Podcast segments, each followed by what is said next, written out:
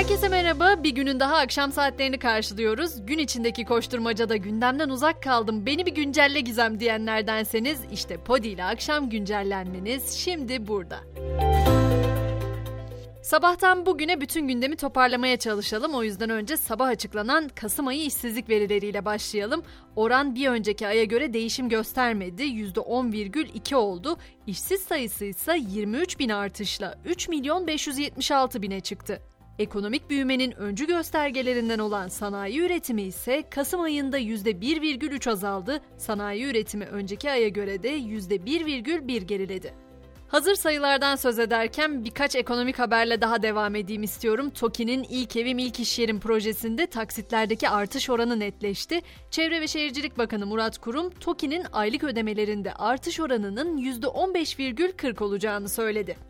Bir de bugün çokça konuşulan pasaportta harç farkı krizi var ki ondan da söz etmezsem olmaz. Malum her yılın sonunda böyle bir yoğunluk yaşanır zaten. 2022 yılında da pasaporta başvurup harcını yatıran ancak yoğunluk nedeniyle randevuları 2023 yılına kalanlardan %123 zamlı pasaport harcının farkını yatırmaları istendi. 4 kişilik bir ailede bu fark 8 bin liraya aşıyor. Haliyle konuyla ilgili CİMER'e de şikayet yağmış durumda. Peki günün iyi haberine benzine indirim gelmesi, Fed yetkililerinin faizlerin yüksek kalacağı sinyalini vermesi petrol fiyatlarında düşüşe neden oldu. Bu gece yarısından itibaren yapılacak 63 kuruş indirimle benzinin litre fiyatı da 19 liranın altına düşecek. Gelelim başkentin sıcak gündemine. HDP'nin kapatılması davasında Yargıtay Cumhuriyet Başsavcısı Bekir Şahin bugün Anayasa Mahkemesi heyetine sözlü mütalasını sundu. Şahin, HDP'nin PKK'yı terör örgütü olarak görmediğini ifade ettiğini söyledi. Şimdi HDP'ye sözlü savunmasını yapması için 30 günlük süre verilecek. Tam da bu konu nedeniyle dün HDP AK Parti'den gelen başörtüsü teklifi ziyaretini reddetmişti. Bu ziyaret teklifine bugün CHP ile İyi Parti'den de olumsuz yanıt geldi. Onların gerekçesi de İyi Partili Lütfü Türkkan'la CHP'li Ali Mahir Başarır'ın dokunulmazlık dosyalarının gündeme alınması. AK Parti heyeti talebe olumlu yanıt veren MHP'yi yarın ziyaret edecek. Tam da bu davalardan söz etmişken asla unutmayacağımız o davanın da gelişmesine aktarayım istiyorum. Konya'daki barınakta bir köpeği eziyet ederek öldüren sanıkların tahliyesine yapılan itiraz reddedildi. Bu sanıklar tutuksuz yargılanacak.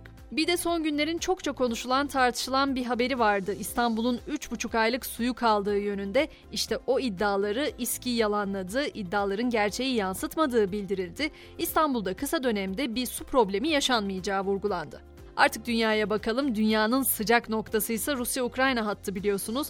Rusya'nın Ukrayna'nın Donetsk bölgesinde yer alan maden şehri Soledar'da neredeyse kontrolü ele geçirdiği duyuruldu. Artık Rusya ya da Ukrayna tarafından yapılan açıklamalara çok fazla itibar edemiyoruz çünkü bir taraf diğerini sürekli inkar eder durumda ama bu açıklama İngiliz Savunma Bakanlığı'ndan geldi. Neden önemli bu açıklama diye sorarsanız onu da şöyle açıklamaya çalışayım. Tankların ve diğer ağır silahların geçebileceği büyüklükte tünellere sahip bir yeraltı şehri bu Soledar. Burayı Rusya'nın ele geçirmesinin de savaşın seyrini değiştirebileceği düşünülüyor. Pandeminin kalbinin attığı nokta Çin'de ise sağlık prosedürlerinin aniden kaldırılmasının ardından eczaneler soğuk algınlığı ve ateş düşürücü ilaçların sıkıntısıyla karşı karşıya kaldı. Öte yandan Pfizer yılın ilk yarısından itibaren Covid ilacı Paxlovid'i Çin'de kullanıma sunmak için ülkede bir ortak çalışma yaptığını duyurdu. İngiltere'nin ise uzun süredir gündeminde grevler var ama bugün en çok konuştukları konu Prens Harry'nin anı kitabı Spare. O raflardaki yerini aldı ve dünya çapında 16 dilde yayınlanan kitap daha ilk günden Birleşik Krallık'ta en çok satanlar listesine girdi. Hemen biraz da teknoloji dünyasından söz edeyim. Üstün dil işleme teknolojisi ve hemen hemen her soruya yanıt verebilen gelişmiş algoritmasıyla yazılım dünyasını sallayan yapay zeka ChatGPT'nin New York City devlet okullarında kullanımı yasaklandı. Neden diye sorarsanız öğrencilerin bu robot aracılığıyla kopya çekmesi ve bu robotun yanlış bilgi yaymak için kullanılabileceği endişeleri. Ve ABD'li iş insanı Elon Musk'ın sahibi olduğu uzay taşımacılığı şirketi SpaceX, Londra merkezli iletişim firması OneWeb'e ait 40 internet uydusunu daha Falcon 9 roketiyle yörüngeye gönderdi. Yörüngeye gönderilen yeni uydular sayesinde OneWeb'in internet hizmeti sağlama kapasitesinin artacağı belirtiliyor. Spor dünyasında ise bu akşam gözler potada. Basketbolda Avrupa Ligi'nin 18. haftasında bu akşam temsilcimiz Fenerbahçe deplasmanda Yunanistan'ın Panathinaikos takımıyla karşılaşacak. Maçın başlama saatinin de 22.30 olacağını belirteyim. Ben yine çok konuştum. Burada akşam güncellenmemizi noktalamış olalım. Sabah 7 itibariyle ben yine buradayım. Görüşünceye kadar hoşçakalın.